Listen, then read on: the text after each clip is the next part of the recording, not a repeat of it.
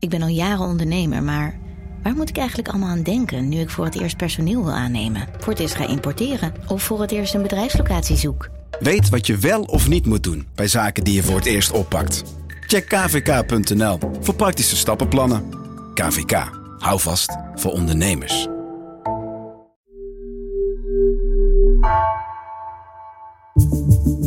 Vanaf de redactie van NRC het verhaal van vandaag. Mijn naam is Egbert Kalsen.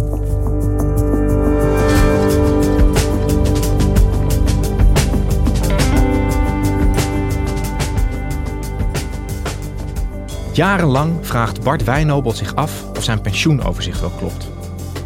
Als hij erachter komt dat er een fout is gemaakt, blijkt zijn pensioen in één klap 200.000 euro minder waard.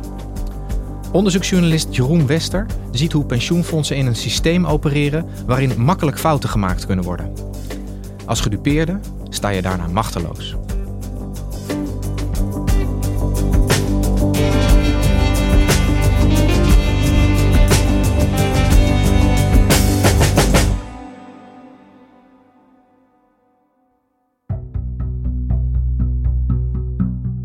Eind zomer van vorig jaar kreeg ik eh, een tip binnen van eh, Bart Wijnobel. Dat is een verpleegkundige. En die werkt zijn hele leven al in het ziekenhuis, bij hetzelfde ziekenhuis. Mijn naam is Bart Wijnobel, ik ben 65 jaar, ik ben gehuwd. Eind dit jaar ga ik met pensioen, want dan ben ik 66 jaar en 7 maanden. Dus het is de AOW-leeftijd. En hij is in een discussie gekomen met zijn pensioenfonds. bijna alle werknemers in Nederland die in loondienst werken, die zijn aangesloten bij een pensioenfonds. En eenmaal per jaar stuurt het pensioenfonds dan een overzicht. En in dat overzicht staat wat je eigenlijk hebt opgebouwd en waar je straks, als je met pensioen gaat, wat je ongeveer krijgt qua pensioen. Het begon er eigenlijk mee, en dat is al een hele tijd geleden, sinds 2001. Toen was hij gescheiden. En hij vroeg zich af: is die scheiding van mij goed verwerkt in het pensioenoverzicht wat ik krijg? Want als je gaat scheiden, dan gaat bijvoorbeeld de helft van je tot dan toe opgebouwde pensioenuitkering, die later uitgekeerd wordt, die gaat naar je ex-partner. Ik uh, kreeg in 2002 een brief van het pensioenfonds, een paar maanden na mijn scheiding. En daar stond op onderwerp scheiding en pensioen. Nou, daar stond in detail uitgewerkt wat mijn deel was en wat het deel van mijn ex was.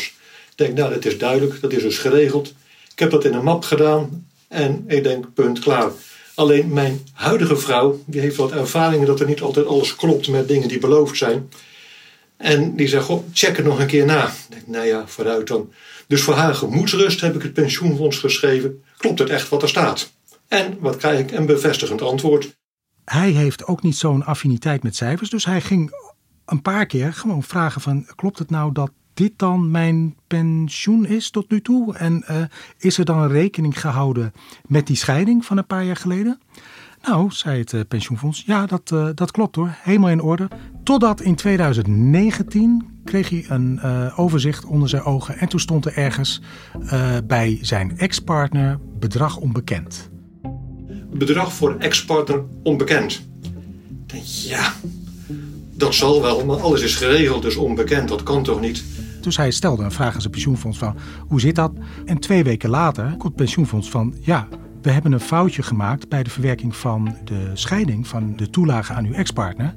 We houden u op de hoogte wat het wordt. De registratie van de standaardverdeling was in het verleden verkeerd uitgevoerd, schrijft de manager. En ik kreeg daarbij staan, ik bied u mijn excuus aan voor de gemaakte fout. Ik dacht, ja, daar koop ik niks voor. Maar denk, het, het zal wel loslopen. Maar dat was een verkeerde gedachte van mij. Het bleek anders. Die brief kwam weer een tijdje later. En daar stond dus in van ja, uh, dit is de nieuwe herberekening. En toen bleek dat getal dus een kleine 10.000 euro per jaar minder te zijn. Ze hadden hem dus jarenlang het idee gegeven dat hij een veel hoger pensioen zou krijgen dan hij uiteindelijk kreeg. Ja. En wat kost hem dat uiteindelijk? Nou, dat gaat al heel snel in de papieren lopen, want dit is dan 10.000 bruto, maar dat gaat dan vanaf je 65ste. En iemand die nu eh, tegenwoordig 65 wordt, die heeft een gemiddelde levensverwachting van 86, een man. Dus ja, dat is al snel 20 jaar keer die 10.000 is ja, potentieel een, een, een, een tegenvaller van 2 ton in euro's. Dus hij was nogal verbijsterd. Hij heeft er jarenlang om gevraagd, jarenlang geverifieerd. Klopt het nou? En puntje bij paaltje, hij uh, gaat bijna met pensioen, blijkt, is dus toch niet goed verwerkt. Dus Bart die kwam erachter dat hij uh, in totaal 200.000 euro minder uitgekeerd uh, zou krijgen van zijn pensioenfonds. Heeft hij het daarbij laten zitten? Nee, hij dacht natuurlijk, ja, dit kan toch niet waar zijn. Dus hij ging uh, zijn beklag doen bij het pensioenfonds van, maar dit klopt toch niet? Jullie kunnen dit toch niet zomaar doen? Nou, dan ga je de molen in van de route is dan eerst een formele klacht indienen. Die is toen afgewezen en dan kan je daar bezwaar maken bij een interne beroepscommissie waar specialisten in zitten.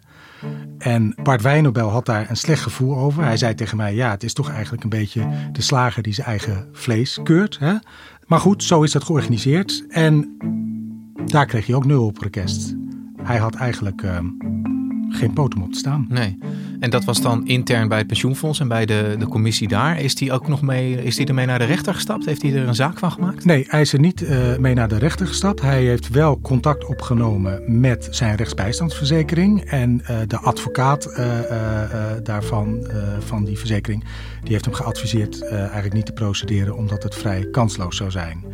En wij hebben ons ook verdiept in de jurisprudentie. En ja, dat klopt. Er ligt een berg aan vonnissen waaruit blijkt dat je in dit soort gevallen weinig kans verslagen hebt. Want in deze gevallen geldt voor alle pensioenfondsen eigenlijk dezelfde redenering. En die redenering is als volgt: je kunt aan dat pensioenoverzicht helemaal geen rechten ontlenen. Wat leidend is, is het pensioenreglement. En ieder pensioenfonds heeft een pensioenreglement. ABP heeft een pensioenreglement van 194 pagina's. Zorg en welzijn, het pensioenfonds waar we het hier over hebben, waar alle verpleegkundigen in Nederland zijn uh, aangesloten, uh, heeft een reglement van een kleine 100 pagina's. En, en zo'n pensioenreglement, Jeroen, wat, wat, wat staat daar precies in? Wat is dat voor document? Nou, het doet een beetje denken aan iedere Nederlander die de grondwet uh, geacht wordt te kennen. Het is een ingewikkeld document met actuariële principes die gehanteerd worden, sterftetabellen, uh, voorwaardelijke indexaties, franchises die je van je loon moet aftrekken om te berekenen uh, uh, hoe je pensioen eruit ziet met opbouwpercentages en noem maar, maar op. Een normale Nederlander komt daar dus niet uit. Het enige wat overblijft dan, wat Bart deed, is naar de ombudsman pensioenen gaan. De ombudsman pensioenen is uh, een bemiddelaar. Dus die heeft een bemiddelingsfunctie. Uh, die heeft geadviseerd aan het pensioenfonds Zorg en Welzijn. Van dit kunt u niet maken, dit is onredelijk. Het zou fair zijn als de heer Bijnobel op een of andere manier gecompenseerd wordt. Maar zij uh, het pensioenfonds zei nee, nee, bedoel, het staat gewoon in het reglement. Dus we gaan helemaal niks doen. En toen was Bart eigenlijk klaar, want de ombudsman heeft daar ook geen doorzettingsmacht of weet ik wat. Die zei ook tegen, tegen Bart van ja, daar ben ik ook uitgespeeld, want ik heb alleen een bemiddelende rol. Ja. Sta je dan met je 200.000 euro minder? Ja. Dat verhaal van Bart, dat staat niet op zichzelf volgens mij. Hè? Dit is mm -hmm. een breder probleem, zijn jullie achtergekomen? Nee, er zijn uh, bij beroepscommissies zijn er heel wat uitspraken te vinden uh, van pensioenfondsen over dezelfde problematiek van mensen die te hoge uitkeringen kregen voortgespiegeld. En ook voor de rechter zijn er heel wat zaken verschenen. En uit die tientallen gepubliceerde vonnissen die we hebben bekeken, blijkt eigenlijk dat de pensioenfondsen vrijwel altijd winnen. Dus het is een vrij simpele redenering. Dat reglement is leidend. Aan het overzicht kan je geen rechten ontlenen.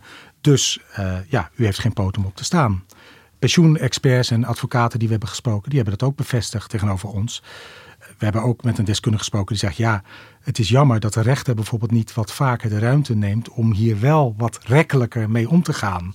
Want dit is gewoon, uh, ja, dit is bijna een digitale afweging. Ja, want dit, dit zijn dingen die je eigenlijk niet heel veel terugziet in andere sectoren. Overal heb je als consument een bepaalde rechtsbescherming. Zeker. Als er fouten worden gemaakt door bedrijven, Ja. dan heb je altijd een soort grond om op Ja. terug te komen. Ja. Hoe zit dat dan hier bij die pensioenfondsen? Ja, dit is eigenlijk eh, waar we achter kwamen redelijk dichtgetimmerd. Het is, het is een soort waterdicht eh, systeem waar geen ruimte is voor fouten ook.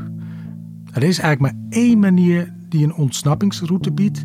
En dat is als iemand al onomkeerbare financiële verplichtingen is aangegaan. Stel je hebt al op je 65 nog een tweede huis gekocht en je hebt daar zware lasten van. Ja, dan kan de rechter zeggen, en dat is dan wel eens gebeurd, van, eh, dat, dat de fout niet helemaal gecorrigeerd wordt. Omdat iemand dan in de financiële problemen komt door die, door die fout. Bart zei ook tegen ons, van, uh, want hij had uh, lang gedacht om een tweede huisje in een buitenland te kopen. Van had ik dat nou maar gedaan? Had ik dat huisje maar gekocht, dat appartement waar ik zo van droomde? We waren al van plan, of al ver gevorderd, met een appartement in Bangkok te kopen. Alleen in mijn goedheid en zekerhedengevoel heb ik toen ik zag bedrag onbekend even afgewacht met de knoop door te hakken voor die aankoop van het appartement. Nu denk ik, had we het maar gekocht, dan had ik nu een appartement gehad en had het pensioenfonds Zorg en Welzijn gewoon het, gewoon het bedrag waar we op gerekend hadden moeten betalen, omdat ik dat nodig had voor mijn hypotheek daar zo. Alleen, ik heb het niet gekocht in afwachting van. En, en bedoel, niets menselijks is ook het pensioenfonds vreemd. Daar zijn we het over eens. Dus daar worden ook fouten gemaakt. Wat is dan de gedachte erachter dat ze zichzelf eigenlijk die ruimte voor die fouten maken niet gunnen? Dat ze met terugwerkende kracht dit soort dingen gewoon willen kunnen terugclaimen? Nou, een pensioen is eigenlijk uitgesteld loon. Dus iedereen die in loondienst is, die gaat dan iedere maand draag je uh, wat af. Dat gaat in een grote uh, pot. Dat gaat grotendeels verplicht. Hè. Dus de meeste mensen in Nederland die bij een pensioenfonds zijn aangesloten, hebben daarin geen keuze. Het gaat dus dan ook om enorm veel geld. Er zit inmiddels al meer dan 1800 miljard euro bij de pensioenfondsen is er onder beheer. Dat is zeg maar om te vergelijken tweemaal de totale hypotheekschuld in Nederland. Het gaat dus om hele grote uh, bedragen. Er zitten zeker 10 miljoen mensen zijn aangesloten bij een pensioenfonds. En het pensioenfonds van Bart, nou ja, dat is ook een hele grote. Dat is het tweede pensioenfonds van Nederland. Er zijn 3 miljoen mensen bij aangesloten. Allemaal mensen die werkzaam zijn in de, in de zorgsector, hè, zorg en welzijn. En als er dan een fout wordt gemaakt, dat er wordt gezegd: ja, Egbert, jouw pensioen stellen we een paar duizend per jaar te hoog voor. En we komen erachter van, oh, we hebben dat in die brieven verkeerd gezet. Want uit het reglement blijkt dat je daar geen recht op hebt. Dan is het ook vreemd als we jou dan die extra duizend euro geven, daar je, waar je geen recht op hebt volgens het reglement. En dat gaat ten koste van alle andere deelnemers. Ja. Dus dat is die collectiviteitsgedachte. Dus die grondgedachte is misschien begrijpelijk. Alleen op individueel niveau kan dat soms natuurlijk wel heel onrechtvaardig uitpakken. Nou, Jeroen, de bottom line is dus dat je aan je pensioenoverzicht wat je jaarlijks krijgt uh, geen rechten kunt ontlenen. Dat, uh, dat hebben jullie uitgezocht en uitgevonden. Pensioenfondsen mogen fouten maken en ze over de rug van een gedupeerde herstellen. Dat is de situatie zoals die is. Maar is daar, is daar politiek debat over? Willen mensen dit veranderen? Ja, er is eh, zeker wel debat over. Pieter Omtzigt uh, heeft dit in de Tweede Kamer al langer aangekaart. Toen hij nog bij het CDA zat, heeft hij ook vragen gesteld van, uh, aan de minister van... kunnen wij niet voor zorgen dat we wel rechten kunnen ontlenen aan het pensioenoverzicht? Dat je meer hebt aan dat papiertje of aan die correspondentie. Voorzitter, ik wil de minister van Sociale Zaken graag vragen wat hier gebeurd is. Hoe kan het dat je geen rechtszekerheid kunt ontlenen aan pensioen dat uitgekeerd is? Twee, wat heb je als pensioendeelnemer nu aan een uniform pensioenoverzicht of een jaarlijks statement van je pensioenfonds? Als blijkt dat jaren later dat pensioenfonds zomaar kan zeggen: Ah, kijk, u had er geen recht op, hier halen we het terug. En drie, als er al een geschil is tussen een pensioenfonds en een deelnemer, mag de deelnemer dan in ieder geval weigeren dat dat teruggevorderd wordt voordat dat geschil is opgelost. En vier, wil de minister in overleg gaan met zowel het ABP als de pensioenfederatie om ervoor te zorgen dat er een oplossing komt dat dit niet weer gebeurt. Maar de minister van Sociale Zaken zag dat toch niet zitten, dus die heeft dat uh, afgewezen. Ontzicht vroeg toen ook van hoe vaak komt het nou eigenlijk voor? Heeft het ministerie daar zicht op? Nou, daar dook het ministerie in en die moest toen antwoorden we hebben geen goed inzicht gekregen in uh, de mate waarin hier risico's en fouten in die administraties zich voordoen. En ook niet in hoeverre het incidenten betreffen. Er zijn wel onderzoeken gedaan, al in 2009 door de AFM. Die kwam op heel veel fouten in de pensioenoverzichten. Uh, sterker nog, eigenlijk kan je zeggen, de pensioenoverzichten wemelen van de fouten. De, de toezichthouder vond bij 29% van de, van de pensioenfondsen cijfermatige onjuistheden. 29%? 29%. En dat is wel geel en groen door elkaar. Hè? Ja, dat zijn niet allemaal grote fouten dus met hele grote ook, consequenties. Dat kunnen ook hele kleine fouten zijn. Ze zijn niet gekwalificeerd. Toevallig is deze week is er nieuw voorlopig onderzoek naar buiten gekomen van de AFM. En daarbij valt af te leiden dat bij verkeerde pensioenoverzichten dat het gaat om tienduizenden tot honderdduizenden gevallen per jaar. Hey, en zo'n voorstel van omzicht om rechten te kunnen ontlenen aan zo'n zo'n jaarlijks pensioenoverzicht, dat zou ook disciplinerend kunnen werken voor die fondsen. Dat ze in ieder geval beter moeten zorgen dat die overzichten op orde zijn. Ja, dat zeggen deskundigen ook. Qua prikkels voor het bestuur van een pensioenfonds om zijn werk goed te doen, uh, zou natuurlijk wel wat verbeterd kunnen worden. Want je kan dus gewoon fouten ongestraft terugdraaien. En ja, ik vind ook dat je dat wel uh, terug kunt zien in de manier waarop pensioenfondsen communiceren. Het is allemaal wel vrij, inhumaan en uh, bureaucratisch worden de cijfers en, en brieven uitgepoept. Terwijl het voor individuele burgers, en dat zijn er nogal wat die met pensioenfondsen te maken hebben, natuurlijk hele grote gevolgen kan hebben. En hoe reageert pensioenfonds Zorg en Welzijn op deze zaak? Hebben zij gereageerd naar jullie toe? Ja, we hebben ze gevraagd om nog een keer op deze casus te reageren. En ze zeggen ja, het ontzettend vervelend te vinden. Ze zeggen ook van ja, het hele dossier overziend moeten we echt vaststellen dat we steek hebben laten vallen. Tegelijkertijd komt vervolgens weer de redenering van ja, bij ons is het eh, reglement leidend en het is heel vervelend. We werken eraan om de communicatie te verbeteren, maar hier kunnen we verder dan uh, niks aan veranderen. Jij hebt heel veel tijd gestoken in dit onderzoek. Bent ook denk ik misschien wel dieper dan je lief is in de hele systematiek van de pensioenen gedoken. Ja. Heb jij nou door die studie uh, zicht op hoe we dit soort situaties in de toekomst zouden kunnen voorkomen? Wat zou je kunnen doen om dit stelsel beter te maken voor die individuen? Nou, wat mij het meest verrast heeft, is eigenlijk dat je fouten weg hebt gedefinieerd in het stelsel. Alsof er geen fouten kunnen worden gemaakt. Natuurlijk worden er fouten gemaakt. Dus je moet daar een, uh, iets voor bedenken dat in de gevallen dat je fouten maakt. We weten dus niet hoe vaak, maar er zijn signalen dat dat vrij omvangrijk kan zijn. Dat je daar iets voor verzint. Dus kijk, wat je bij bedrijven ziet, die hebben stroppenpotten. Je kan voorzieningen treffen, potjes. Die gaan ook ten laste van het collectief. Maar dan kan je de individuele schade of de individuele pijn kan je natuurlijk wel een beetje verzachten. Het zou natuurlijk ook onzin zijn om in dit geval die meneer Wijnobel zomaar, ik zeg maar wat, twee ton te gaan uitkeren. En maar er zijn natuurlijk heel veel tussenvormen mogelijk. Ja. En gaat uh, Bart Wijnobel nog meemaken dat dit systeem zo uh, veranderd wordt... dat hij niet die volle klap van die twee ton uh, zelf hoeft te dragen, denk je?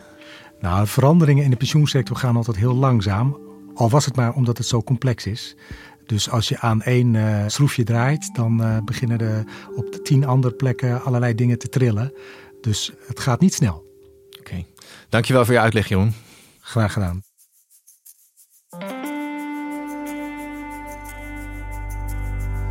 Je luisterde naar vandaag, een podcast van NRC. Eén verhaal, elke dag.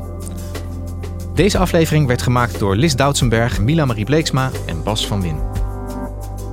Dit was vandaag, morgen weer.